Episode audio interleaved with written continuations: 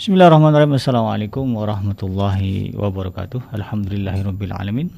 Allahumma salli ala sayyidina Muhammad wa ala ali sayyidina Muhammad amma ba'd. Alhamdulillah kembali berjumpa di udara di gelombang 1044 AM iDream Radio Successful Muslim Family bersama saya Ibi yang akan memandu Anda untuk sama-sama menghadiri program rutin kita di setiap hari Jumat petang yaitu program Ngaji From Home di mana kita akan mendengarkan berbagai kajian uh, yang disampaikan oleh para guru. Dan untuk hari ini kita akan mendengarkan kajian tentang fikih doa yang akan disampaikan oleh guru kita Al-Ustaz Abdullah Haidar LC dan mudah-mudahan uh, tema ini menjadi tema yang mungkin ya selama ini uh, ditunggu-tunggu ya oleh sahabat Edrim karena sebelumnya kita sudah membahas hal-hal yang sebetulnya berkaitan dengan doa ya mulai dari istighosah ya kemudian juga ada uh, tabaruk juga di dalamnya kan ada uh, ada unsur-unsur doa maka alangkah uh, lengkapnya juga kemudian uh, fikih terkait doa ini uh, dikupas juga begitu. Baik tidak berlama-lama kita akan langsung menuju kepada guru kita untuk uh, mendengarkan kajian dan ulasan tentang uh, tema pada hari ini yaitu fikih doa yang akan disampaikan oleh guru kita Ustaz Abdullah Haidar Kepada beliau saya persilakan.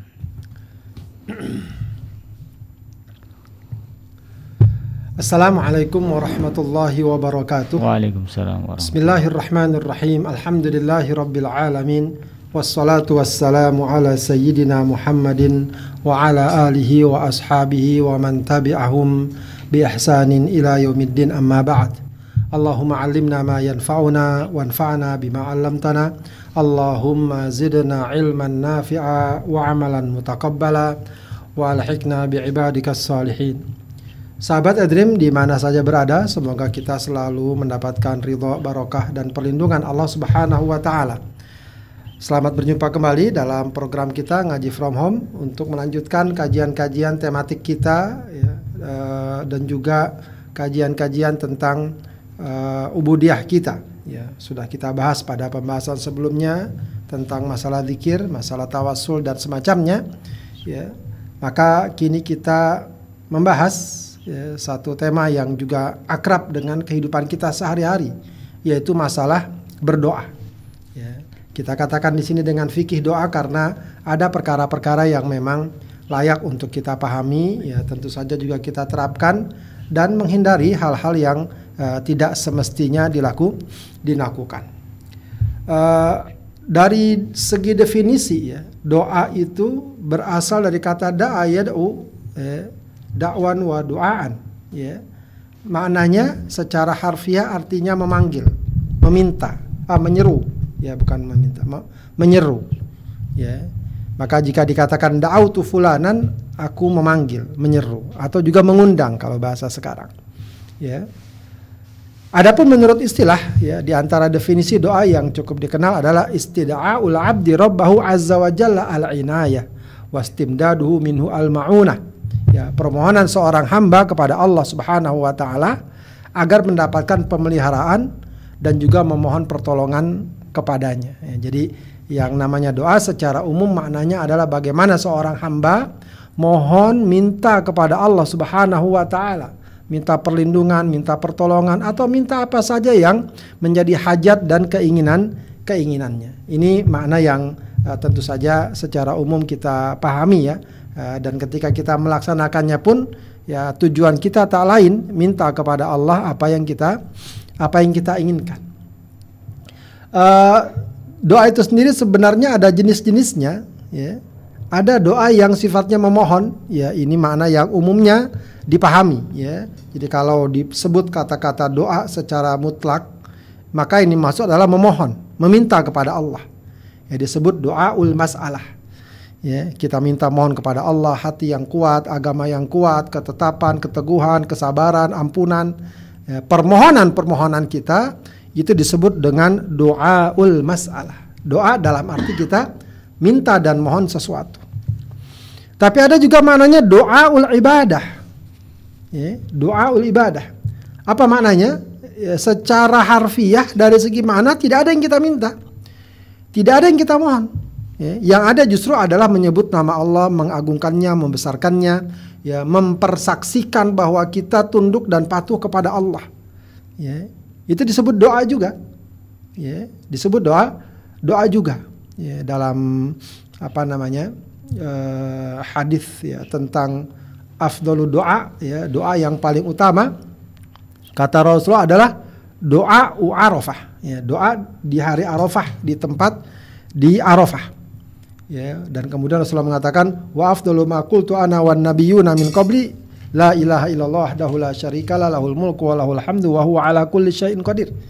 Ya dan uh, ungkapan yang paling utama aku ucapkan ya, dan para nabi sebelumnya adalah la ilaha illallah wahdahu la syarikalah lahul mulku wa lahul hamdu wa huwa ala kulli syai'in qadir.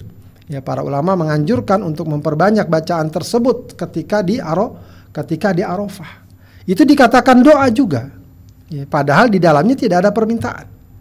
Ya, tapi yang ada adalah penegasan tentang penghambaan kita di hadapan Allah Subhanahu wa taala. Ya, eh, dalam uh, satu riwayat ya uh, terkenal ya ungkapannya uh, Nabi Allah Yunus alaihissalam yang kata Rasulullah sebagai dakwatu dzinnun. Ya, doa zunnun ya nama lain dari Nabi Yunus idda'a wa huwa fi batni fi batnil hut ketika dia berdoa ya di perut ikan. Apa doanya? La ilaha illa anta subhanaka inni kuntu minad zalimin. Ya, la ilaha illa anta tiada ilah selain engkau subhanaka engkau maha suci inni kuntu minad zalimin. Aku termasuk orang-orang yang zalim. Kata Rasulullah lam yad'u biha rajulun muslimun fi syai'in illa stajaballahu lahu tidaklah seorang muslim berdoa kepada dengannya uh, niscaya Allah akan mengabulkannya. Ya mengabulkannya. Ya, kalau diperhatikan ini tidak ada permintaan. La ilaha illa anta subhanaka inni kuntu minadz zalimin. Tapi ini dikatakan doa. Kenapa? Di dalamnya ada pengagungan kepada Allah pengakuan penghambaan kita di hadapan di hadapannya. Ya di hadapannya. Kemudian uh, termasuk juga apa namanya doa eh, yang eh, dikenal adalah doa lu munajat, doaul munajat. Ya. Doa dalam arti munajat. Ya, munajat maksudnya adalah eh, kita mengadu kepada Allah. Kita eh, kalau bahasa kita dengan manusia itu kita mengeluhkan ya eh, nasib kita di hadapan Allah. Beginilah kita, kondisi kita dan semacamnya. Ya, kalau diperhatikan seperti doanya Nabi Allah Adam alaihissalam, ya juga begitu ya. Rabbana dhalamna anfusana wa illam taghfir lana wa tarhamna lanakunanna minal khasirin ya Allah. Kami telah menzalimi diri kami jika engkau tidak ampuni dan tidak sayangi kami, kami menjadi orang yang rugi. Jadi dia munajat. Ya, me mengadukan uh, apa yang dia alami saat itu. Ya, apa yang dia yang dia hadapi saat saat itu ya, di mana seorang hamba ya uh, ketimbang dia mengadu kepada orang lain, ketimbang dia mengeluarkan perasaan dalam dirinya kepada siapa pun, maka dia menyampaikannya kepada Allah Subhanahu wa taala. Dan Allah Maha tahu.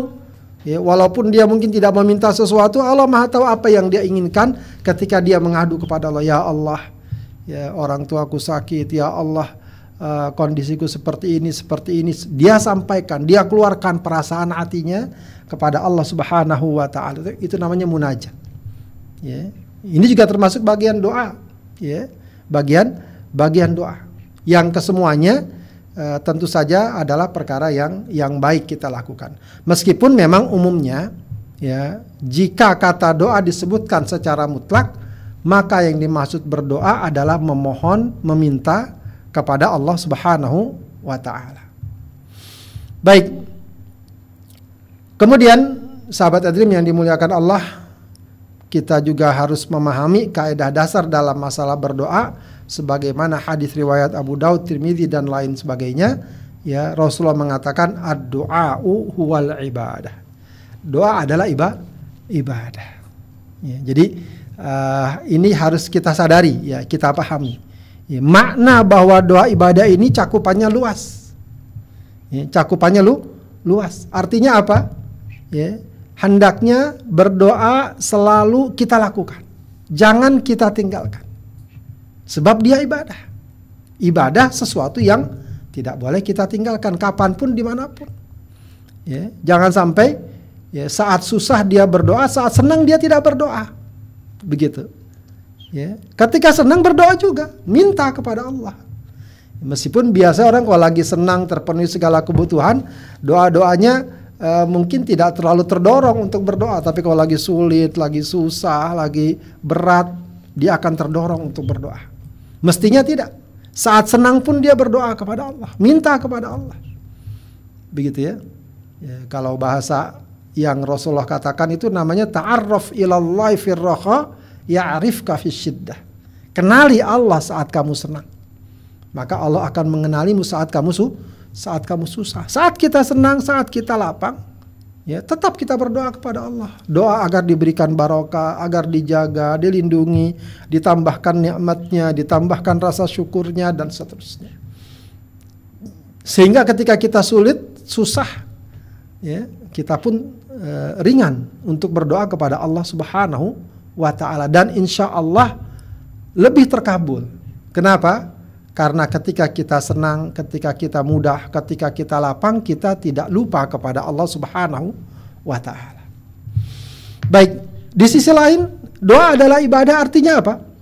Ya, ya artinya adalah ketika kita berdoa permasalahannya bukan sekedar oh agar kita dikabulkan, agar kita uh, mendapatkan balasan, agar kita meraih apa yang kita inginkan. Bukan cuma bukan cuma itu. Bahkan bisa jadi perkara itu Allah tunda atau Allah alihkan dengan perkara yang lain. Ya. Tapi apa pun hasilnya, ketika seseorang sudah berdoa, maknanya dia sudah beribadah. Semakin dia banyak berdoa, semakin banyak beribadah. Terlepas apakah doa-doanya yang dia panjatkan, dia minta, ya, apakah sudah diberikan sebagaimana dia minta, itu masalah lain. Ya, maksudnya adalah ya, Eh, kita juga harus melihat doa ini sebagai ibadah dalam arti kita mengharapkan kebaikan, pahala, ridho dari Allah dari doa-doa yang kita panjatkan. Makanya terkenal ungkapan Umar bin Khattab radhiyallahu an, yahmiluni hammud doa la hammul ijabah. Ya, aku itu uh, lebih terdorong untuk berdoanya ketimbang dikabulkannya. Ya, artinya begini, ya. Seseorang dengan doanya lalu dikabulkan ya, kemudian dia akhirnya tidak berdoa lagi, masih lebih baik dengan seseorang yang berdoa, berdoa, berdoa karena belum dikabulkan dia berdoa terus. Begitu ya. Kenapa? Karena terus-menerusnya dia berdoa itu akan memberikan kebaikan yang besar dari Allah Subhanahu wa taala. Lain halnya tadi, karena udah merasa dikabulkan dia nggak berdoa lagi. Begitu. Maka yang penting doanya terkabul atau tidaknya itu bukan kepentingan kita. Itu keputusan Allah dan nanti akan kita dapat ya hadis yang menunjukkan bahwa setiap doa kita itu pasti dikabulkan. Cuma dikabulkan dengan kehendak Allah, dengan irodah Allah yang boleh jadi ya, tidak lantas sebagaimana yang kita inginkan. Ya, tapi Allah Maha mengetahui apa yang terbaik buat buat kita. Ad-doa huwal ibadah. Doa adalah ibadah juga maknanya apa? Doa ini merupakan indikasi yang sangat kuat, tanda yang sangat jelas dari keimanan seorang hamba kepada Allah. Manakala kita ingin dikatakan sebagai orang yang beriman dengan benar, orang yang beriman dengan sesungguhnya, maka mestinya orang orang tersebut atau orang beriman tersebut senang dengan berdoa. Kenapa? Karena imannya mengajarkan Allah Maha Kuasa, Allah Maha Menentukan, Allah Maha Memberi. Kalau begitu pemahamannya, ya kita jangan ragu untuk berdoa.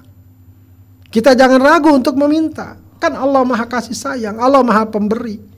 Ya, Allah Maha mengatur dan memberikan rezeki. Ya.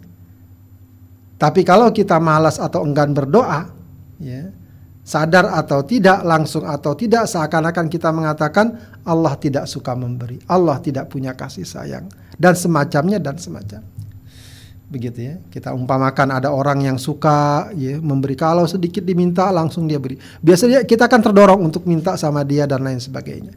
Ya, tapi kalau kita lihat ada orang yang berat ya, kalau ingin memberikan dan lain sebagainya, kita pun akan berat untuk memberi.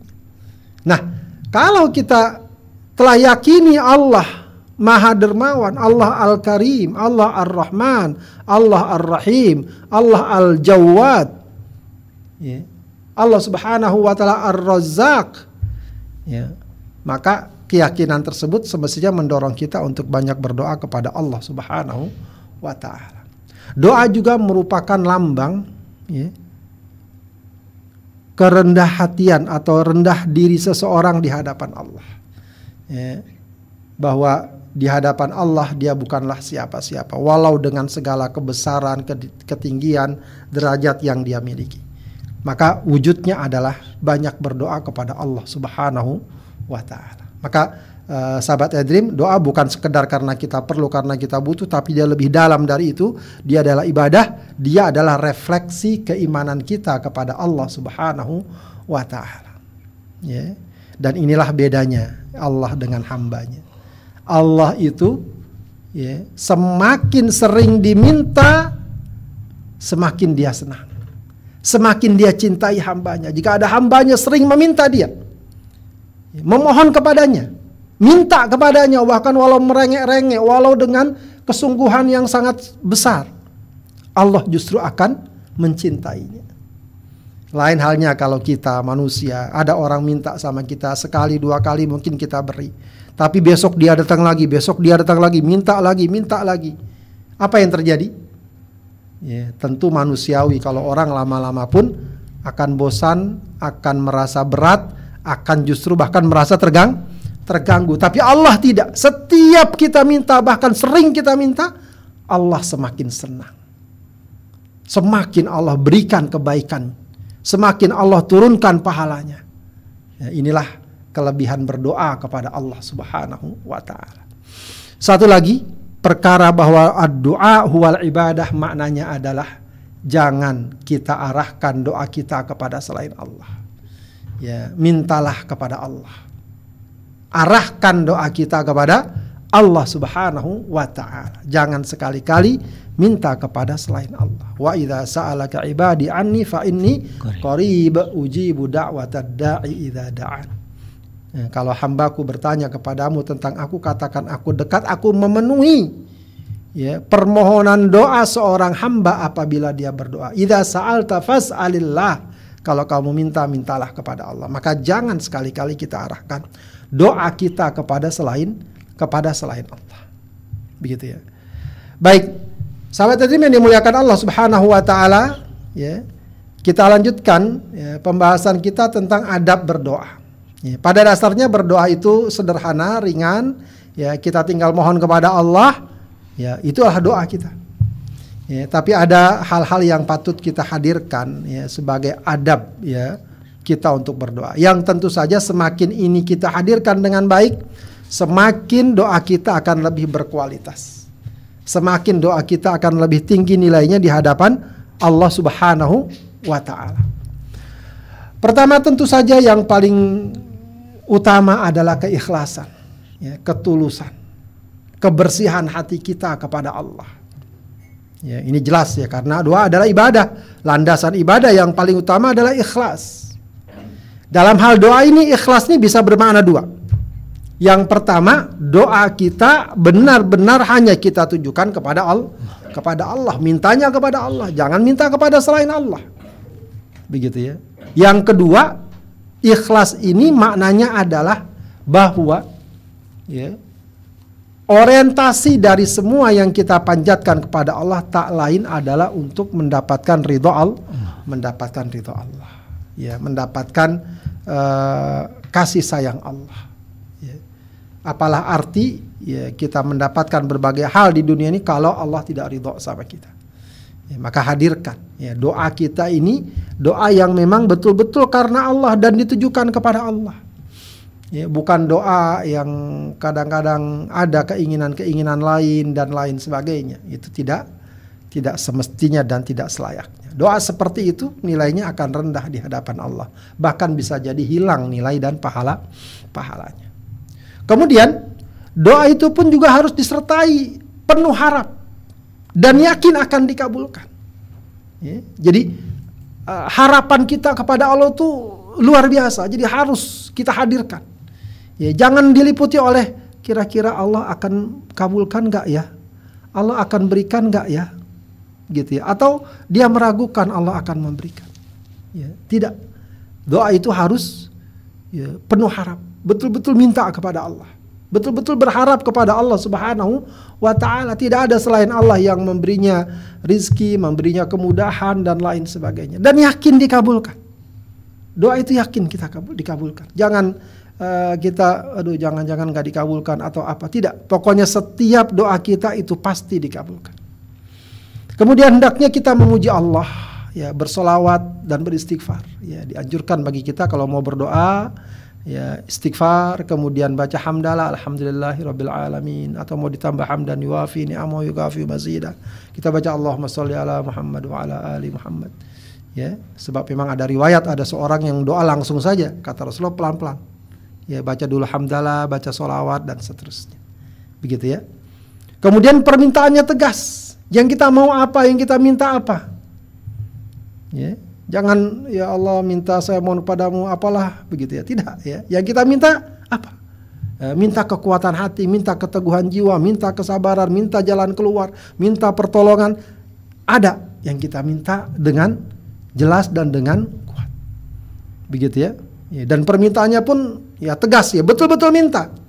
Ya, tidak kadang ada gambaran orang minta itu uh, sok atau merasa nggak butuh ya Allah kalau kamu mau kamu kabulkan kalau enggak enggak apa-apa tidak ya minta kepada Allah minta benar ya minta ya Allah berikan saya ini tolong saya ini lindungi saya ya jangan ditambah-tambah ya kalau kamu mau terserahlah apa namanya berikan saya kalau enggak enggak apa-apa ya itu namanya enggak ada nggak ada azimah, nggak ada azam. Ya. Mintanya kuat. Ya. Ibarat anak kecil yang minta betul agar diberikan es krim misalnya, diberikan permen misalnya, ya. mintanya kuat, ya. merengek-rengek dan semacamnya. Kemudian tidak merasa bosan dan kecewa. Jangan merasa bosan. Ya, dengan doa-doa yang kita panjatkan. Jangan merasa kecewa dengan doa-doa yang kita panjatkan. Ya. Nabi Allah Zakaria alaihissalam itu ketika berdoa dalam surat Maryam walam akum bidu'aika rabbi syaqi aku nggak pernah menyesal nggak pernah sengsara ya. Berdoa kepadamu ya Allah. Ya. Jangan pernah kita merasa kecewa. Ya mungkin kalau kalau sama orang ya kita datang minta ini minta itu minta tolong ini minta tolong itu lantas kita dapati orang tersebut uh, rasa-rasanya nggak memberikan respon positif padahal dulu dia sangat kita bantu dan lain sebagainya. Mungkin kita kecewa tapi kepada Allah jangan kita katakan saya kecewa sama Allah udah lima tahun 10 tahun berdoa nggak dikasih juga. Tidak. Ya, jangan merasa bosan, jangan merasa kecewa. Tidak ada yang sia-sia dari doa yang kita panjatkan. Tidak ada yang sia-sia. Kemudian berdoa hendaknya ber dengan khusyuk ya, dengan tenang, dengan suara lirih. Ya, ini khususnya kalau berdoa sendiri ya, berdoa pribadi. Lain halnya kalau berdoa nanti bersama dan seterusnya. Ya, dengan suara lirih, pelan, minta kepada Allah ya menampakkan dan menunjukkan kelemahan kita di hadapan di hadapan Allah. Ya. Kadang tidak tidak jarang banyak orang berdoa, ya berdoa bagus ya. Cuma ya sekedarnya aja, ya tidak ada apa namanya suasana hati dan jiwa yang mengiringinya. Ya, tidak ada uh, hadirnya permintaan yang tegas dalam dalam dirinya. Begitu. Kemudian menengadahkan kedua telapak tangan. Telapaknya tangan kita kita tengadahkan. Yang yang lebih dekat adalah uh, telapak tangan ini diangkat ya ke langit gitu ya. Ke langit. Ya mau dapat mau terbuka nggak apa-apa. Nggak nggak ada sesuatu yang mendasar. Tapi ke telapak tangan kita kita mohon pada Allah ya Allah ya Allah ya Allah. Itu juga merupakan gambaran uh, sikap butuh kita rendah kita di hadapan Allah. Ya di hadapan Allah Subhanahu itu semua ada sunnahnya ada riwayat dari Rasulullah SAW juga bersuci dan menghadap kiblat. Ya meskipun boleh berdoa dalam kondisi tidak bersuci ya tapi kalau dia bersuci lebih baik. Menghadap kiblat juga lebih baik. Diriwayatkan Rasulullah itu dalam perang Badar itu ya uh, dia uh, duduk di atas kudanya dan dia menghadapkan dirinya ke arah kib ke arah kiblat lalu berdoa. Mencari waktu yang mustajabah, mencari momen waktu yang mustajabah, juga pen, penting ya agar doa kita lebih berkualitas. Bertawasul dengan tawasul syar'i. Kita udah bahas kemarin bab tawasul. Maka bisa kita berdoa dengan tawasul-tawasul yang uh, paling tidak disepakati dahulu. Ya mungkin nanti ada bab-bab yang memang diperdebatkan. Ya disepakati bertawasul dengan asmaul husna, dengan amal soleh, dengan doa orang uh, dengan doa orang soleh yang masih hidup. Ya itu disepakati kita bertawasul dengan itu. Ya sebagai upaya untuk uh, menambah ya bobot uh, doa kita di hadapan Allah Subhanahu wa taala. Ada beberapa riwayat yang mungkin bisa saya cantumkan di sini, ya. Uh, di sini diriwayatkan dari Tirmidzi dari Fadl bin Ubaid radhiyallahu an dia berkata, ya ya ringkasnya adalah uh, ketika duduk sama sahabat duduk sama Rasulullah ada orang datang lalu sholat, kemudian dia berdoa Allahumma gfirli warhamni, ya langsung ya Allah ampuni aku sayangi aku. Maka kata Rasulullah mengatakan ajil ta'ayyuhal musalli, kamu terlalu terburu-buru wahai orang yang sholat. Ya kalau kamu sudah sholat maka kamu duduk fahmadillah bima huwa ahlu wa salli alayya uhu ya uhu maka uh, pujilah Allah ya dan kemudian selawatlah kepadaku baru berdoa. Ya jadi berdoa pun uh, tetap ada adabnya. Ya baca hamdalah baca solawat ya uh, lalu kemudian uh, mohon kepada Allah Subhanahu wa taala. Bahkan para ulama menganjurkan untuk juga beristighfar, menunjukkan juga meng, apa meng, me, menjelaskan tentang uh, apa namanya uh, kedudukan dirinya, kerendahan dirinya, banyaknya kekurangan dan seterusnya. Ya, dalam Sayyidul Istighfar sangat bagus sekali. Allahumma anta rabbi la ilaha illa anta khalaqtani wa ana abduka wa ana ahdika wa adika masatatu a'udzu bika min syarri ma sanatu abu laka bi ni'matika alayya wa abu bi dzambi faghfirli. Jadi sebelum ngomong faghfirli itu awalnya sudah banyak sekali, ya. Antara engkau Tuhanku, aku banyak salah, aku banyak dosa dan seterusnya. Begitu ya. Baik, uh, dalam riwayat Abu Daud Rasulullah bersabda Inna rabbakum tabaraka wa ta'ala hayyun karimun yastahyi min abdihi idza rafa'a yadahi ilahi an yaruddahuma sifran. Sungguhnya Tuhan kalian tabaraka wa ta'ala itu sangat malu dan dermawan. Ya, dia malu apabila ada hambanya mengangkat kedua tangannya ya lalu dia mengembalikan kedua tangannya dalam keadaan kosong. Ya, tidak Allah penuhi. Allah malu kalau itu sampai terjadi. Artinya apa? Allah akan memberikan setiap orang yang berdoa mengangkat kedua tangannya apa yang dia inginkan, apa yang dia mau atau Allah kabulkan apa yang Allah ingin Allah inginkan. Ya. Dalam hadis riwayat Abu Daud Rasulullah bersabda, "Idza sa'altumullah fas'aluhu bi butuni akuffikum wa la tas'aluhu bi dhuhuriha." Ya, jika kalian minta kepada Allah maka mintalah dengan uh, tapak ya, tapak tangan kalian. Ya, bukan minta dengan apa namanya dengan uh, punggung telapak tangan ya. Meskipun ada memang sebagian ulama yang mengatakan uh, berdoa apabila mendoakan atau berdoa dari bala dan bencana itu dengan punggung tapak tangan. Akan tapi itu pendapat uh, kecil dari sebagian ulama. Umumnya para ulama Eh, mengatakan bahwa berdoa baik minta kebaikan atau minta dijauhkan dari keburukan atau dari bencana tetap saja dengan menengadahkan telapak tangan kita uh, ke langit. Ya. Kemudian dalam hadis riwayat Bukhari dan Muslim ya, dikatakan yustajabu lil abdi malam yad'u bismin au qati'ati rahim. Ya, eh, akan selalu dikabulkan dari seorang hamba selama dia tidak pernah berdoa untuk dosa atau memutus silaturahim malam yasta'jil dan juga tidak tergesa-gesa. Ya, jadi kalau berdoa jangan tergesa-gesa. Maka ditanya ya Rasulullah, "Mal isti'jal?" Apa itu maksudnya tergesa-gesa? Qala yaqulu ya, orang-orang itu mengatakan qad da'autu wa qad da'autu falam ara yastajibu lahu. Udah saya udah berkali-kali doa, berdoa lagi, berdoa lagi namun tidak dikabulkan untukku. Fayastahsiru inda dzalika wa yad'u du'a maka dia kecewa dan akhirnya meninggalkan doa. Ya, ini doa yang uh, tidak terkabul. Ya, mestinya orang yang berdoa itu uh, dia yakin, ya, dia positive thinking bahwa Allah Subhanahu wa taala pasti mengabulkan doa doanya. Ya, dalam hadis riwayat Tirmizi misalnya Rasulullah mengatakan, "Udu Allah wa antum muqinuna bil ijabah." Berdoalah kepada Allah sedangkan kalian yakin akan diijabah. Diijabah. Wa'lamu Allah la yastajibu du'aan min qalbin ghafilin lain. Ya, ketahuilah Allah tidak akan mengabulkan doa dari hati yang lalai. Ya, yang lalai, yang berpaling. Jadi kalau berdoa benar kita berdoa, kita arahkan minta sama Allah. Ya, kadang-kadang mungkin biasanya kalau lagi mengaminkan doa entah yang berdoa ke mana kita mikirnya ke mana atau ada uh, perhatian yang lain dan semacamnya. Itu tidak boleh terjadi. Ya. Kalau berdoa betul-betul kita arahkan permintaan kita kepada Allah, kepada Allah. Kemudian dalam hadis riwayat Bukhari dan Muslim Rasulullah mengatakan la yaqulanna ahadukum Allahumma ighfir li in syi'ta, Allahumma arhamni in syi'ta. Ya, janganlah kalian mengatakan ya dalam doanya ya Allah ampuni aku jika engkau mau, sayangi aku jika engkau mau. Liazim al masalah ini yang tadi kita katakan kalau mau berdoa harus tegas ya, permintaannya harus kuat. Ya, jangan ngambang. Ya, kalau kamu mau berikan, kalau enggak enggak apa-apa, tidak. Ya, fa innallaha fa innallaha la mukrihalau karena Allah enggak ada yang maksa. Ya, Allah enggak ada yang maksa. Kalaupun Allah berikan, ya Allah Subhanahu wa taala uh, berikan sebagaimana kehendak kehendaknya. Ya, kemudian juga dalam Al-Quran banyak disebutkan Ud'u rabbakum wa khufya Berdoalah kepada Tuhan kalian dengan penuh tadarru Penuh khusyuk ya, penuh harap ya, Dan juga dengan suara yang pelan Suara yang lirih ya Mohon kepada Allah subhanahu wa ta'ala. Kemudian uh, Ada perkara lain yang juga harus kita waspadai ya, ya Penghalang ya, Penghalang doa. Ya, Doa kita bisa terhalang. Kalau apa?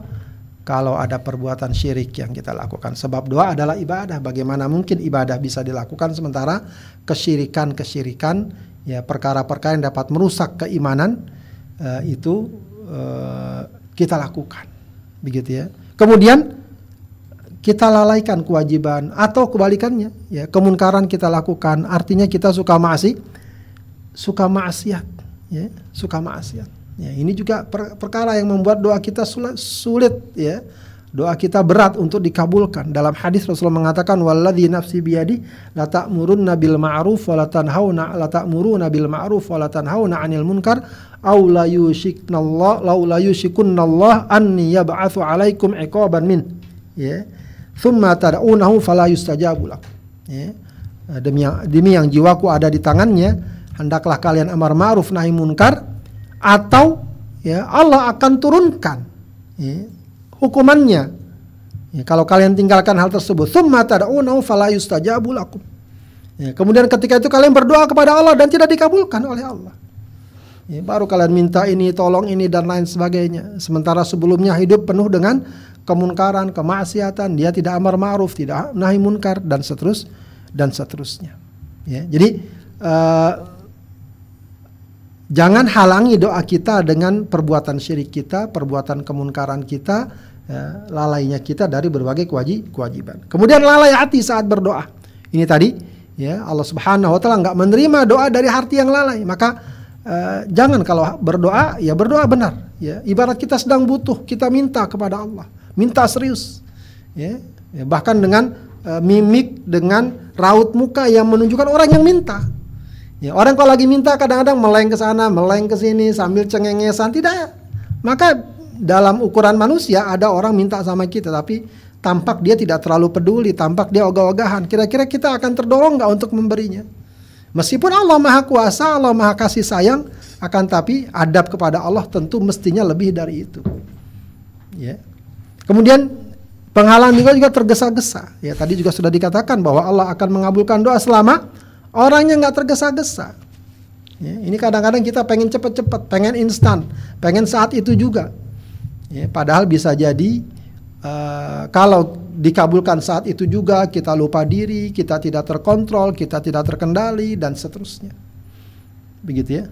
Kemudian termasuk penghalang doa adalah makan makanan yang haram. Ini hadisnya jelas ya, sudah kita baca dalam dahulu dalam bab tentang hadis Arba'in Nawawi ya uh, ada seorang yang melakukan safar, badannya kumal, dekil, lalu dia mengangkat kedua tangannya, ya Robbi ya Robbi, tapi kata Rasulullah, ya wa ma, apa namanya wa mat'amuhu haramun, wa mashrabu haramun, wa ghudhiya bi haramin, fa anna yustajabu. Makanan, minuman, semua kebutuhannya dipenuhi dengan cara yang haram dari barang yang haram. Bagaimana doanya mau dikabulkan? Maka bersihkan makanan kita dari barang yang haram, insya Allah kita akan semakin mudah terkabul doa kita. Dan juga jangan ada doa memutus silaturahim, doa yang mengandung dosa, ya, yang menyebabkan kemunkaran. Ya, karena itu akan mengundang ketidakridoan Allah Subhanahu wa taala. Ya, dalam hadis riwayat Ahmad, ya, Rasulullah mengatakan mamin muslimin yada Allah laisa fiha ithm. Tidaklah seorang muslim berdoa dengan doa yang di dalamnya tidak ada dosa. Wala qati'at rahim dan tidak ada memutus silaturahim illa a'tahu Allahu biha ihda thalathin. Kecuali Allah akan berikan kepada dia kepada dia salah satu dari tiga perkara. Ini yang tadi kita sebutkan bahwa doa tidak ada yang tidak dikabulkan. Yang penting apa? Tidak ada pencegahnya, tidak ada penghalangnya. Ya, di antara penghalang doa itu kalau kita berdoa dengan doa-doa yang buruk. Doa untuk memutus silaturahim. Ya Allah, misalnya kita doakan semoga saudara saya nggak main ke rumah saya dan saya nggak main ke rumah dia. Itu kan memutus silaturahim. Itu nggak boleh. Ya, berdoa juga ada dosa di dalamnya. Ya Allah, saya ingin uh, tolonglah mudahkan saya minum khamar berzina dan lain itu namanya doa untuk kemunkaran. Yang kita minta kepada Allah kebaikan-kebaikan, manfaat, kebaikan dunia maupun kebaikan akhirat. Selagi tidak ada penghalang doa tersebut, apalagi syarat atau adab-adab doa kita penuhi, maka Allah pasti mengabulkan doa kita. Cuma dikabulkan dengan kehendak Allah, ya, bukan dengan kehendak kita. Ya, yaitu dengan salah satu dari tiga perkara. Ya. Pertama kata Rasulullah imma'an ya, uh, imma'an tu'ajjila lahu da'watahu. Ya. Uh, disegerakan untuknya doanya atau permintaannya. Ya, jadi disegerakan sesuai dengan doa yang dia minta, sesuai permintaan yang dia min minta. Wa imma an yaddakhiraha lahu fil akhirah. Ya. Atau doa itu disimpan ya, di akhirat sebagai amal so, sebagai amal soleh, sebagai pahala. Wa imma an yasrifa anhu minas su'i mithliha. Ya.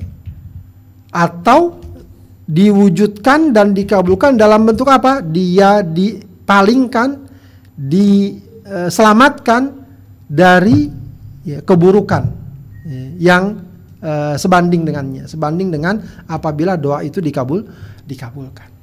Ya, jadi dia ada ada kodok, ada ketetapan Allah bahwa dia dapat musibah. Ya, dengan doa yang dipanjatkan, ya, meskipun yang diminta doa perkara lain, Allah tidak kabulkan perkara yang diminta, tapi Allah kabulkan dalam bentuk apa? Seharusnya dia kena musibah pada tanggal sekian, hari sekian, jam sekian, namun berkat doa yang dia panjatkan, musibah tersebut Allah batalkan dan Allah gugurkan pada orang tersebut. Itu kan juga namanya kebaikan. Cuma kadang-kadang kita nggak sadar, kita nggak apa, kita nggak paham. Baik, kemudian eh, pembahasan berikutnya sahabat hadirin yang dimuliakan Allah. Ya, tadi dianjurkan agar kita berdoa mencari waktu yang mustajabah, mencari juga doa-doa yang mustajabah. Maka eh, layak juga kita tahu kapan doa-doa yang mustajabah itu. Ya, di sepertiga malam terakhir, ya, kita tahu bagaimana riwayat Rasulullah SAW mengatakan bahwa Allah akan turun ke langit dunia pada sepertiga malam terakhir dan ya, mengabarkan siapa yang minta akan aku berikan, siapa yang minta perlindungan akan aku lindungi dan semacamnya. Artinya apa? Doa ketika itu adalah doa yang mustajab. Hari Jumat, sekarang kita ada hari Jumat, bahkan sore hari ini ya, adalah waktu yang dikatakan para ulama besar kemungkinan merupakan waktu yang mustajabah. Atau secara umum, pada waktu mana saja di hari Jumat itu bisa menjadi waktu yang mustajab. Yang kalau bertepatan kita berdoa pada waktu itu, maka Allah pasti akan kabulkan. Ya, Allah akan kabulkan. Makanya kita diperintahkan untuk memperbanyak doa pada hari Jumat agar atau dengan harapan ya bisa jadi ada doa kita yang persis ya berada atau dilakukan uh, pada waktu yang mustajab mustajabah. Kemudian antara azan dan iqamah juga begitu. Antara azan dan iqamah kita disunahkan untuk memperbanyak do doa. Makanya kalau habis azan kita sholat qobliyah misalnya, imam belum datang atau iqamah belum dilakukan, perbanyak doa. Ya. E, kemudian ketika sujud dan penghujung sholat, ketika sujud juga e, kita tahu hadisnya ya akrabu ma yakunul abdu inda rabbih wa huwa sajid ya fa'kthiru fihi du'a ya uh, kondisi seorang yang paling dekat dengan Tuhannya adalah saat dia sujud maka perbanyaklah berdoa ya termasuk juga di penghujung sholat ya uh, disebut dengan duburuki duburukul di sholatin penghujung sholat. Meskipun memang ada perbedaan di tengah para ulama. Apakah penghujung sholat ini adalah di akhir sholat atau setelah sholat? Ya, setelah sholat.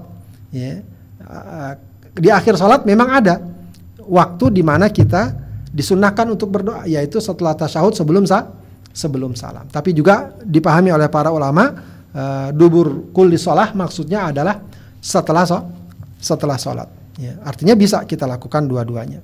Saat safar juga adalah saat di mana kita uh, memiliki waktu yang mustajabah. Di waktu ibadah haji juga banyak waktu-waktu yang mustajabah. Ketika wukuf, ya waktu setelah sholat subuh di Musdalifah, sehabis melontar pertama dan kedua, saat sa'i di sofa dan di marwah itu waktu-waktu yang mustajabah. Termasuk saat hujan, pada Lailatul Qadar, di medan perang, saat mendengar kokok ayam, saat dizalimi, saat besuk orang sakit, ya kemudian doa orang tua kepada anaknya, kemudian doa muslim kepada saudaranya tanpa diketahui.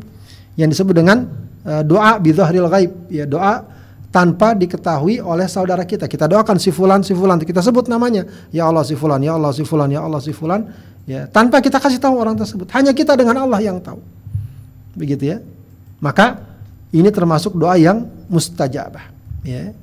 Uh, apa namanya dalam hadis riwayat Bukhari ya Ya, ini terkait dengan uh, apa uh, sepertiga malam terakhir Allah turun ke langit dunia maka dia mengatakan man yad'uni fa astajibu lahu man yas'aluni fa utihi man yastaghfiruni fa aghfir lahu. Siapa yang berdoa kepadaku aku kabulkan.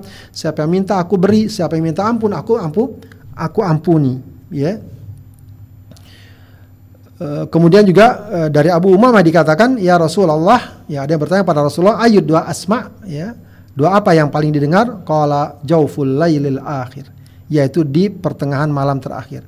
Waduburikul wadurub wadu waduburis salawatil maktubah dan di penghujung salat-salat far salat-salat fardhu. Dalam hadis riwayat Abu Daud, Rasulullah mengatakan la yadudu doa bainal adzan wal iqamah. Ya, doa tidak tertolak antara azan dan iqamah. Maka antara azan dan iqamah ya perbanyak doa. Begitu ya. Uh, kemudian Sintani la turaddan dalam hadis riwayat Abu Daud. Ada dua perkara yang doanya tidak tertolak. Au qallama turaddani doa indan nida wa indal ba's hina yalhamu ba'duhum ba'du. Yaitu ketika apa namanya ter, ter, apa terdapat panggilan dan seruan dan ketika terjadi apa istilahnya perang yang berkecamuk. Ya tentu perang jihad di jalan Allah Subhanahu wa taala. Ya. Kemudian tadi indah nida maksud ketika azan ya.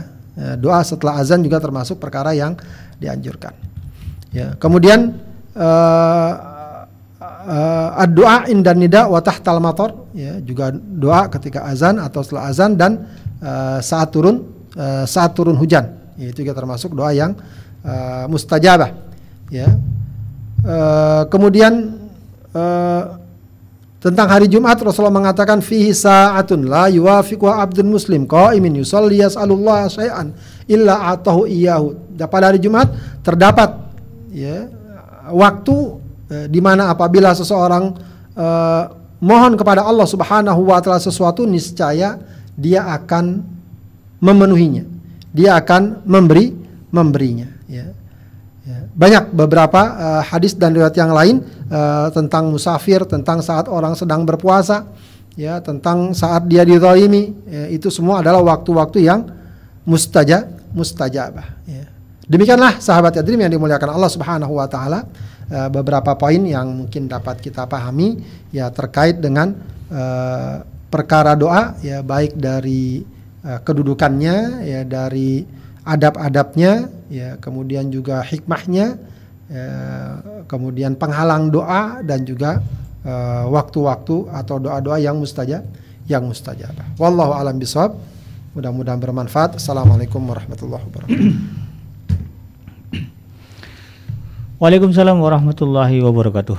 Kita ucapkan jazakumullah kepada Al Ustaz Abdullah yang sudah menyampaikan materi pada hari ini ya dengan tema uh, fikih doa ya. Cukup uh, detail tadi apa yang beliau sampaikan terkait dengan uh, fikih dalam berdoa ini. Tadi ada uh, bahasan ya, dan dalil apa definisi dari doa, kemudian juga ada ada ada, ada berdoa. kemudian juga hadis-hadis ya yang terkait dengan uh, keterangan uh, tentang doa. Mudah-mudahan apa yang beliau sampaikan dan, uh, tadi bisa kita pahami dan bisa kita aplikasikan dalam keseharian kita. Dan selanjutnya bagi Anda sahabat iDream Radio yang ingin bertanya kepada Al Ustaz Abdullah Haidar LC terkait dengan materi pada hari ini yaitu tentang fikih doa. Silakan sampaikan pertanyaan melalui kolom komentar atau juga yang mendengarkan kita melalui gelombang 104 AM. Anda bisa bertanya melalui nomor WhatsApp di 0822 Baik Ustaz, uh, sudah ada beberapa pertanyaan masuk ke di kolom komentar untuk sore hari ini. Pertanyaan pertama uh, dari akun atas nama Linda Rosita. Mohon izin Ustadz e, bertanya. E, doa apakah yang paling sering di e, dibaca atau diminta oleh Rasulullah SAW kepada Allah Subhanahu Wa Taala? Ya, ada beberapa riwayat terkait dengan doa-doa uh, yang Rasulullah SAW baca ya di antaranya adalah riwayat yang cukup terkenal bahwa di antara doa yang sering Rasulullah baca adalah Allahumma ya muqallibal qulub tsabbit qalbi ala dinik ya, ya Allah yang membolak-balikkan hati ya teguhkan apa namanya uh, hatiku dalam agamamu. Itu termasuk doa yang uh, Rasulullah SAW uh, eh, sering baca ya. Ya tentu saja juga beberapa uh, apa namanya zikir ya. Karena zikir dan doa ini memang uh, beririsan ya. Di antara di antara zikir ada yang mengandung doa ya. Ada yang mengandung doa. Berarti paling tidak uh, itu menjadi bacaan atau doanya setiap hari ya. Misalnya doa tentang sayyidul istighfar itu kan mengandung doa begitu ya atau juga doa uh, pagi hari ya uh, apa namanya Allahumma inni as'aluka khaira ma fi hadzal yaum wa khaira ma bada wa a'udzubika min syarri ma fi hadzal yaum dan seterusnya. Itu juga berarti Rasulullah baca setiap ha setiap hari karena beliau anjurkan ya untuk dibaca uh, setiap pagi dan setiap uh, dan setiap uh, sore ya jadi uh, kalau ada yang uh, apa namanya uh, cukup kuat itu adalah yang tadi ya, yang kalau tidak salah dikatakan oleh Anas bin Malik radhiyallahu an ya terkait dengan doa yang sering Rasulullah baca itu uh, Allahumma ya muqallibal qulub tsabbit qalbi ala ala dini wallahu ala baik uh, itulah ya uh, doa yang di, biasa dibaca oleh Rasulullah sallallahu alaihi wasallam. Tapi tentu uh, tidak semestinya juga ya uh, uh, itu menjadi doa uh, andalan kita juga karena kan tentu hajat kita berbeda kepada Allah Subhanahu wa taala. Namun jika kita ingin mencontoh ya uh, baiklah ya sebagai bagian dari cinta kita kepada Rasulullah sallallahu alaihi wasallam. Baik Ustaz, uh, ke pertanyaan berikutnya uh, dari akun atas nama Ayu Novita. Uh, Assalamualaikum Ustaz, apa apa hikmah uh, Allah Subhanahu wa taala mengabulkan doa kita dalam waktu yang lama. Nah, gimana nih, Ustaz? Ya, ya tentu banyak hikmahnya. Hikmahnya yang pertama bisa apa namanya mendorong kita atau uh, memotivasi kita untuk semakin banyak berdoa, gitu ya. Biasanya orang ya kalau berdoa langsung dikabulkan, besok-besoknya doanya pun nggak terlalu semangat seperti seperti seperti ketika belum dikabulkan. Begitu ya, maka hikmah e, dari misal tertundanya atau e, menurut perkiraan kita belum dikabulkan sebagaimana yang kita minta, yaitu kita pahami dan kita husnuzon bahwa Allah ingin lebih banyak mendengar doa-doa kita dan juga tentu saja dengan begitu pahala dan kebaikan kita akan lebih be akan lebih besar. Ya, itu juga sekaligus sebagai ujian keimanan ya bahwa Apakah kita yakin sama Allah, kita husnuzon kepada Allah? Kalau kita yakin dan husnuzon, maka mestinya doa-doa kita tidak berhenti. Tidak berhenti. Ya. Di sisi lain juga bisa jadi hikmahnya juga agar kita uh, terhindar dari kesombongan, terhindar dari uh, merasa besar. Oh, saya tuh beda, berdoa langsung dikabulkan begitu ya. Wali. Wali dan nanti timbul apa? Kalau kita nggak mampu mengendalikan diri kita, langsung ada timbul perasaan sombong merasa lebih dari yang lain. Insya Allah maka kita husnuzon saja. Ya husnuzon ketika doa-doa kita sudah sering kita panjatkan tapi merasa masih belum dikabulkan berarti apa? Berarti Allah ingin lebih mendengarkan lagi dari kita doa yang ba doa yang banyak. Dan tidak ada ruginya, tidak ada ruginya sedikit pun. Nggak nggak nggak dianggap sebagai menyia-nyiakan waktu, sebab setiap doa kita itu pasti dicatat sebagai amal soleh, sebagai ibadah, sebagai ketaat, sebagai ketaatan. Semakin kita tetap meyakini, ya semakin tinggilah derajat dan kedudukan kita di hadapan di hadapan Allah. Dan insya Allah ya semakin kuat ya peluang dan potensi doa kita akan dikabulkan atau dipenuhi sesuai dengan yang kita min sesuai yang kita minta. Wallahu a'lam. Baik Ustaz, uh, ini kalau ini ada kaitannya juga Ustaz dengan pertanyaan dari akun atas nama Ayunovita tadi uh, terkait dengan lamanya doa dikabul dengan uh, contoh misalnya kita ambil Nabi Allah Ibrahim, Nabi Allah uh, Zakaria ya. minta keturunan kan sampai tua baru dapat. Nah terus kita nih Ustaz misalnya uh, terselip di dalam hati di kita kan bukan nabi apa iya gitu dari Podis Mandul berdoa kita punya anak ini gimana nih Ustaz? Kita mensinkronkan situasi ya. Dengan doa Ustaz. Kita tahu ponisnya ibu bapak mandul, susah punya anak. Kita berdoa juga gitu dengan dengan ngambil contoh Nabi Ibrahim dan Nabi Zakaria misalnya. Ya. ya. Ya betul, tidak mengapa. Ya meskipun saya kan bukan nabi ya, kita diperintahkan untuk meneladani para na, para nabi. para nabi, mengikuti jejak mereka, menyerupai mereka. Kata para ulama tasyabbahu bil kirami wa illam takun mislahum hmm. ya serupailah orang-orang mulia walaupun kamu tidak seperti mereka, mereka tidak seperti mereka ya tidak mengapa kita upayakan ya jangan kita langsung uh, di apa diponis diri kita kita bukan nabi lalu kemudian kita akhirnya kecewa putus asa begitu ya hmm. di sisi lain tentu saja ya hmm. tetap upaya-upaya ikhtiar-ikhtiar basyariah, upaya manusiawi ya tetap kita lakukan. Ya hmm. jadi terus ikhtiar ya katakanlah misalnya belum punya anak dan seterusnya, apakah ada ikhtiar yang bisa dilakukan? Mungkin konsultasi ke ahli gizi, ke ahli kandungan dan lain sebagainya ya sampai mungkin uh, dalam taraf ya misalnya bayi tabung dan semacamnya. Hmm. Ya itu bagian dari ikhtiar. Jadi ikhtiar kuatkan, doa juga tetap kuat kuatkan. Ya betapa banyak ya saudara-saudara kita harus menunggu sampai ada yang lima tahun, ada yang 10 tahun, yeah. ada yang 12 iya. tahun, banyak kisah-kisahnya itu. Itu ada di sekitar kita. Ya Allah kemudian beri berikan, berikan dan mudahkan urusannya. Maka eh, sekali lagi itu uh, itu merupakan bagian dari perjuangan ya mungkin sangat mengharukan kalau seandainya nanti menjadi kenangan yang sangat iya. yang sangat indah ya ketika saat-saatnya mereka berdua periksa ke dokter kemudian ikhtiar mencari cara bertanya berkonsultasi dan seterusnya ya iya. wallah memang sih ke saya juga punya teman-teman pribadi lah itu yang ya dilema juga katanya. Satu sisi eh, takut eh, itu kan eh, melampaui ekspektasi kemudian jadi suzon kepada Allah Subhanahu wa taala. Tapi kan tetap kita harus eh, berdoa minta kepada Allah yang kita tidak tahu kehendak Allah seperti apa.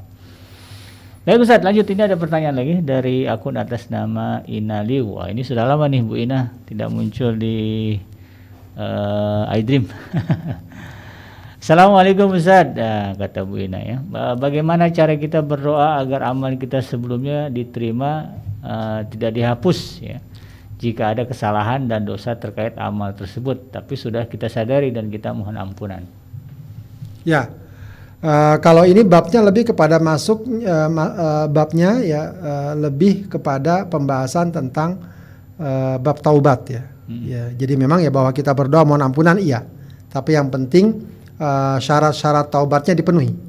Ya, kalau syarat-syarat taubatnya dipenuhi maka insya Allah uh, otomatis ya dengan sendirinya amalan-amalan keburukan yang pernah kita lakukan itu akan Allah ampuni.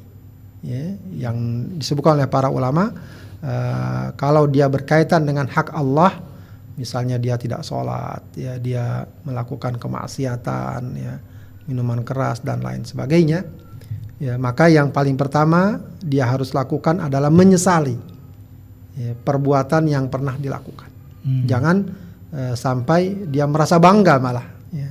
Yang ada dia menye Bisa. menyesal. Yang kedua dia berhenti total dari perbuatan tersebut, tinggalkan total perbuatan tersebut.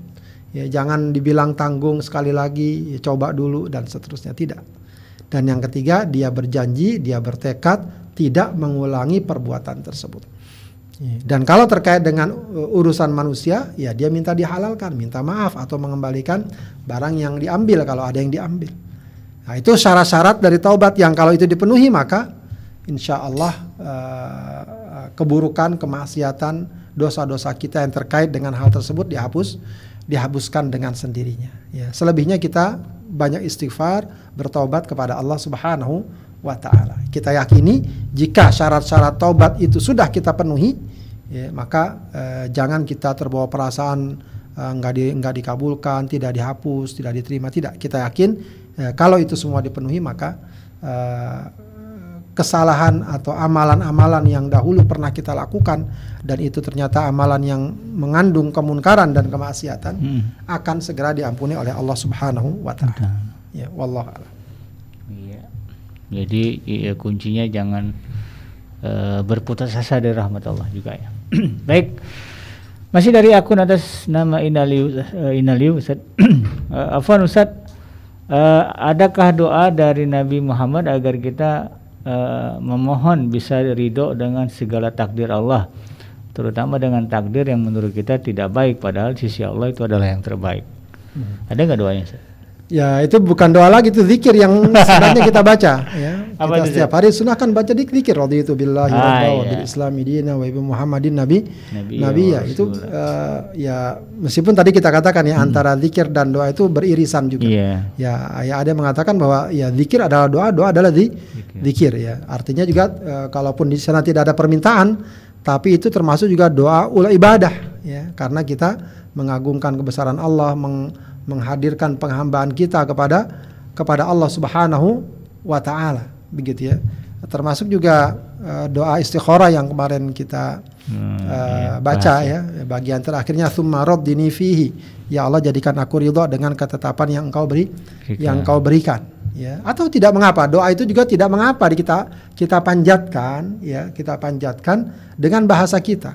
Ya, kalau mungkin eh, redaksi-redaksi uh, yang ada misalnya berdasarkan riwayat Nabi uh, belum kita hafal, kita panjatkan aja ya Allah berikanlah aku hati yang ridho, hati yang menerima, hati yang lapang dan seterusnya. Ya, uh, kalau doa-doa yang lain uh, ya mungkin dikaitkan ada ya kayak Robbi shrahli sadri wa yassirli amri wa halul uqdatam min lisani yafqahu juga mungkin bisa dikaitkan ya. Ya Allah berikanlah uh, lapangkan dada dadaku ya. Itu juga bisa memberikan makna kelapangan dada mudah menerima ridho dengan segala keputu dengan keputusan dan ketetapan Allah Subhanahu wa taala. Ya wallahu alam. Baik baik. Jadi dihafal doanya Rodi. Itu biasa orang-orang sekolah baca ya Rodi itu billahi robba wa bil islam dina wa bi muhammadin nabi wa rasulah uh, browsing di internet insya Allah ada. Uh, dibaca setiap selesai sholat kah atau sebelum tidur kah ya setiap saat boleh jadikan zikir.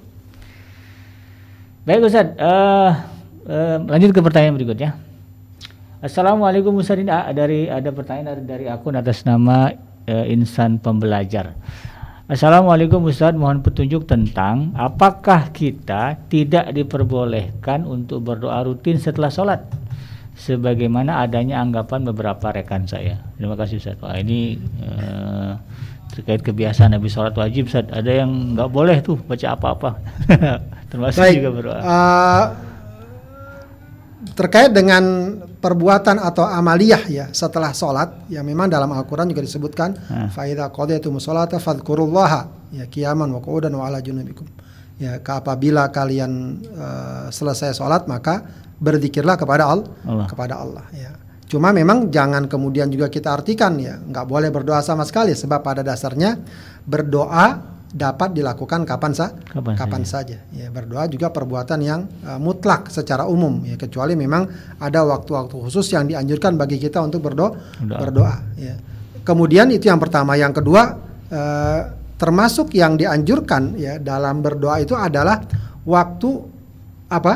Uh, duburu duburi kuli solatin hmm, ya. tadi hadisnya ya, tadi hmm. uh, di penghujung so Salat. nah sebagian ulama mengatakan dubur kuli solat meskipun memang ada yang mengatakan dubur kuli solat itu maksudnya adalah uh, sehabis tasyahud sebelum sa salam. sebelum salam tapi juga tidak berlebihan atau tidak keliru kalau diartikan selesai so salat selesai salat maka juga memang tidak bisa disalahkan begitu saja orang hmm. kalau habis salat dia berdoa berdoa, berdoa. apalagi salat itu ibadah dan amal so amal soleh, ya. dan di antara uh, perkara yang dikatakan oleh para salaf itu uh, doa itu uh, apa sesuatu amal uh, apabila seorang selesai melakukan amal maka bagusnya dia juga berdoa Berdoa. berdoa sebagaimana Nabi Ibrahim alaihissalam Iya. selesai dia membangun Ka'bah dia berdoa Berdoa. berdoa eh, Rabbana taqabbal minna innaka antas samiul alim dan seterusnya begitu ya jadi eh, berdoa secara terus menerus ya sehabis sholat ya, bukanlah sesuatu yang dila yang dilarang wallahu a'lam Iya. Eh, cuma memang zikirnya juga jangan ditinggalkan Ah, Ya, iya, kadang-kadang ada sebagian orang cuma berdoa saja nggak berzikir nah, ini sesuatu yang kurang tepat ya artinya zikir dahulu iya. eh, kemudian dia eh, Berdoa. berdoa Iya. Jadi tidak sepenuhnya eh, ya namanya lah itu khilafiah. Kadang orang be- berbeda sudut pandang ya, sehingga menyebab- menyebabkan eh, ber- perbedaan pendapat juga. Tapi yang jelas ya silakanlah ya yang mau yang mau yakin berdoa setelah sholat eh, itu boleh atau ada dalil ya dikerjakan. Yang merasa tidak ada ya sudah gitu. Yang penting jangan saling mencela lah. Baik Ustaz, eh, ini pertanyaan saya eh, pertanyaan dari jamaah sudah sebenarnya sudah tidak ada lagi. Ini pertanyaan saya Ustaz, ini terkait dengan isyarat tangan. Isyarat tangan ketika berdoa. Eh, apakah ada ketentuan maksudnya dalil yang secara spesifik begitu Ustaz? Eh, men- Nabi mencontohkan kepada sahabat tangan harus seperti apa posisinya. Sebab ada juga sebenarnya eh, orang berdoa dengan tangan menunjuk ke atas jari gitu Ustaz. Nah, ini kira-kira ada dalil nggak Ustaz? Atau bagaimana sih sebetulnya yang diajarkan Nabi ketika mengangkat tangan? Atau kalau dia nggak mengangkat tangan misalnya, itu dalam dalam eh, adab berdoa atau ada doa yang berdoa cara berdoa Nabi itu apakah itu benar? Baik, eh, para ulama sepakat bahwa masalah berdoa itu yang sunnah adalah mengangkat tangan. Mengangkat Jadi- tangan. Jadi, hukum dasar atau kalau boleh dikatakan adab dasar kalau berdoa itu mengangkat Mengangkat tangan. Banyak riwayat yang menunjukkan bahwa kalau berdoa itu mengangkat Tangan. mengangkat tangan. Ya, ya, mungkin hadis yang terkenal itu yang di Arba'in Nawawi Iya. yang mengisahkan seseorang yang apa namanya eh, apa seseorang yang melakukan perjalanan jauh yutilus safar asy'atha akbaro begitu ya. Yamuddu yadaihi ilas Sama. yamuddu yadahi ilas sama ya. Eh, dia menengadahkan tangannya ke ke langit. ke langit. Ya kemudian juga ada riwayat yang lain tadi udah kita baca juga eh, inna rabbakum apa nama hayyun karimun. Nah, Tuhan kalian itu itu hayy ya malu eh, tapi dia dermawan. Hmm. Yastahyi min abdihi idza rafa'a yadahi ila sama. Idza rafa'a yadahi ilahi. Dia malu kalau hambanya mengangkat tangannya kepadanya. Ya, maksudnya apa? Berdoa. Berdoa. Ya. An yaruddahuma sifran. Dia malu, Allah malu kalau eh, orang itu menurunkan tangannya dalam keadaan hampa, nggak dapat apa? Nggak dapat. Artinya setiap orang yang berdoa pasti akan Allah Kabulkan. kabulkan. Tapi dalam bab ini maksudnya dia mengangkat ah, Mengangkat tangan. mengangkat tangan. Ya. Ya. Kemudian eh, dalam hadis riwayat Abu Daud juga dikatakan, "Idza sa'altumullah fas'aluhu." Kalau kalian ber eh, kalau kalian minta kepada Allah, mintalah bibutuni akufikum. Ya. Jadi minta dengan butun, butun nih button. Hmm. Batnul kaf ini namanya bagian dalam telapak tangan. tangan. Ya, minta dengan eh, apa? eh, bagian telapak tangan kita. Maksudnya mintanya Diangkat. begini. Hmm. Jadi eh, bagusnya emang angkatnya begini. Ya memang kalau begini nggak apa-apa juga, terserah ya. Dirapatkan apa dijarangkan? Ya itu nggak ada nggak ada ada sesuatu keterangan. yang menjelaskan mau Oke. gini atau mau dirapatkan nggak Ah, masalah. Takut Begitu ya. tumpah Ustaz kalau nggak dapat. Ya itu nggak masalah ya tidak di ini kan. Ya. Eh, eh, jadi itu semua menunjukkan bahwa berdoa itu mengangkat ah, Mengangkat. tangan, tidak diam saja gitu ya, tidak tidak mengangkat tangan. Wallahu a'lam. Oke. Terus Ustaz ada doa yang dia ada uh, saya berdoa jarinya apa tangannya diangkat jarinya ke langit itu ada dalilnya Ustaz? Itu wallahu alam itu biasanya kalau yang begitu kalau dia menyebut nama Allah. Oh gitu. yang menyebut nama Allah sebab itu kaitannya ketika Rasulullah SAW Hmm. eh, apa namanya eh, di Haji Wada Hmm. di Haji Wada dia kan udah sampaikan semua ajaran Islam kan Iya. semua kaidah-kaidah Islam maka Iya. dia tanya kepada para sahabat ya ala hal tu apakah aku su- sudah sampaikan pada kalian semua kata para sahabat apa bala ya Rasulullah Iya. bisa diulang lagi ala hal tu apakah sudah aku sampaikan bala ya Rasulullah sampai tiga kali maka Rasulullah angkat jari tangannya Oke. Allahumma fashhad ya Allah eh, apa namanya saksikanlah. Hmm. Ya, jadi itu kalau menyebut Allah. Uh, menyebut nama Allah atau me- menyebut uh, Apa, apa namanya sedang mempersaksikan? ya? mempersaksikan Oh, pada. Allah Subhanahu wa taala. Makanya juga ketika tasyahud sebagian ulama mengatakan Mengatakan- ketika menyebutkan Asyhadu an la menyebutkan ilaha asyhadu alla ilaha illallah. Wallahu a'lam. Oh iya iya baik baik. Jadi ini lebih eh, lebih detail ya agar kita kemudian tidak tidak ragu ya kalau ada yang negor ngapain sih diangkat tangan diangkat memang Tuhan nggak tahu apa itu adab ya. ya kita kalau minta kan juga angkat tangan namanya juga ada berdoa baik sahabat dan yang dirahmati Allah eh, demikian apa yang eh, bisa ya kita bahas pada hari ini.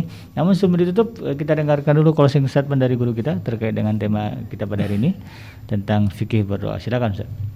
Baik, sahabat hadirin yang dimuliakan Allah Subhanahu wa taala, ya selain zikir, ya doa juga merupakan ibadah yang sangat ringan, sangat mudah. Ya dapat kita baca kapan saja, di mana saja, ya.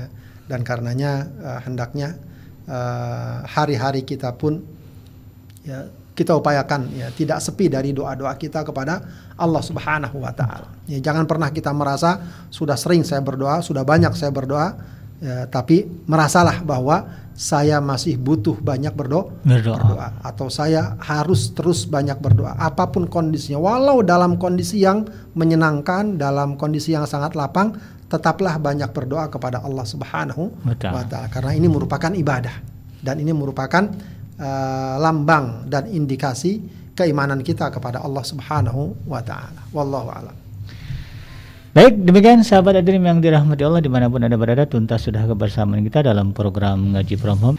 Saya Bikenji, eh, pamit undur dari ruang dengar Anda beserta kurang bertugas. Mohon maaf atas segala kehilafan dan kekurangan. Subhanaka Allahumma rabbana wa bihamdika asyhadu an la ilaha illa anta astaghfiruka wa atubu ilaik. Walhamdulillahirabbil alamin. Wassalamualaikum warahmatullahi wabarakatuh.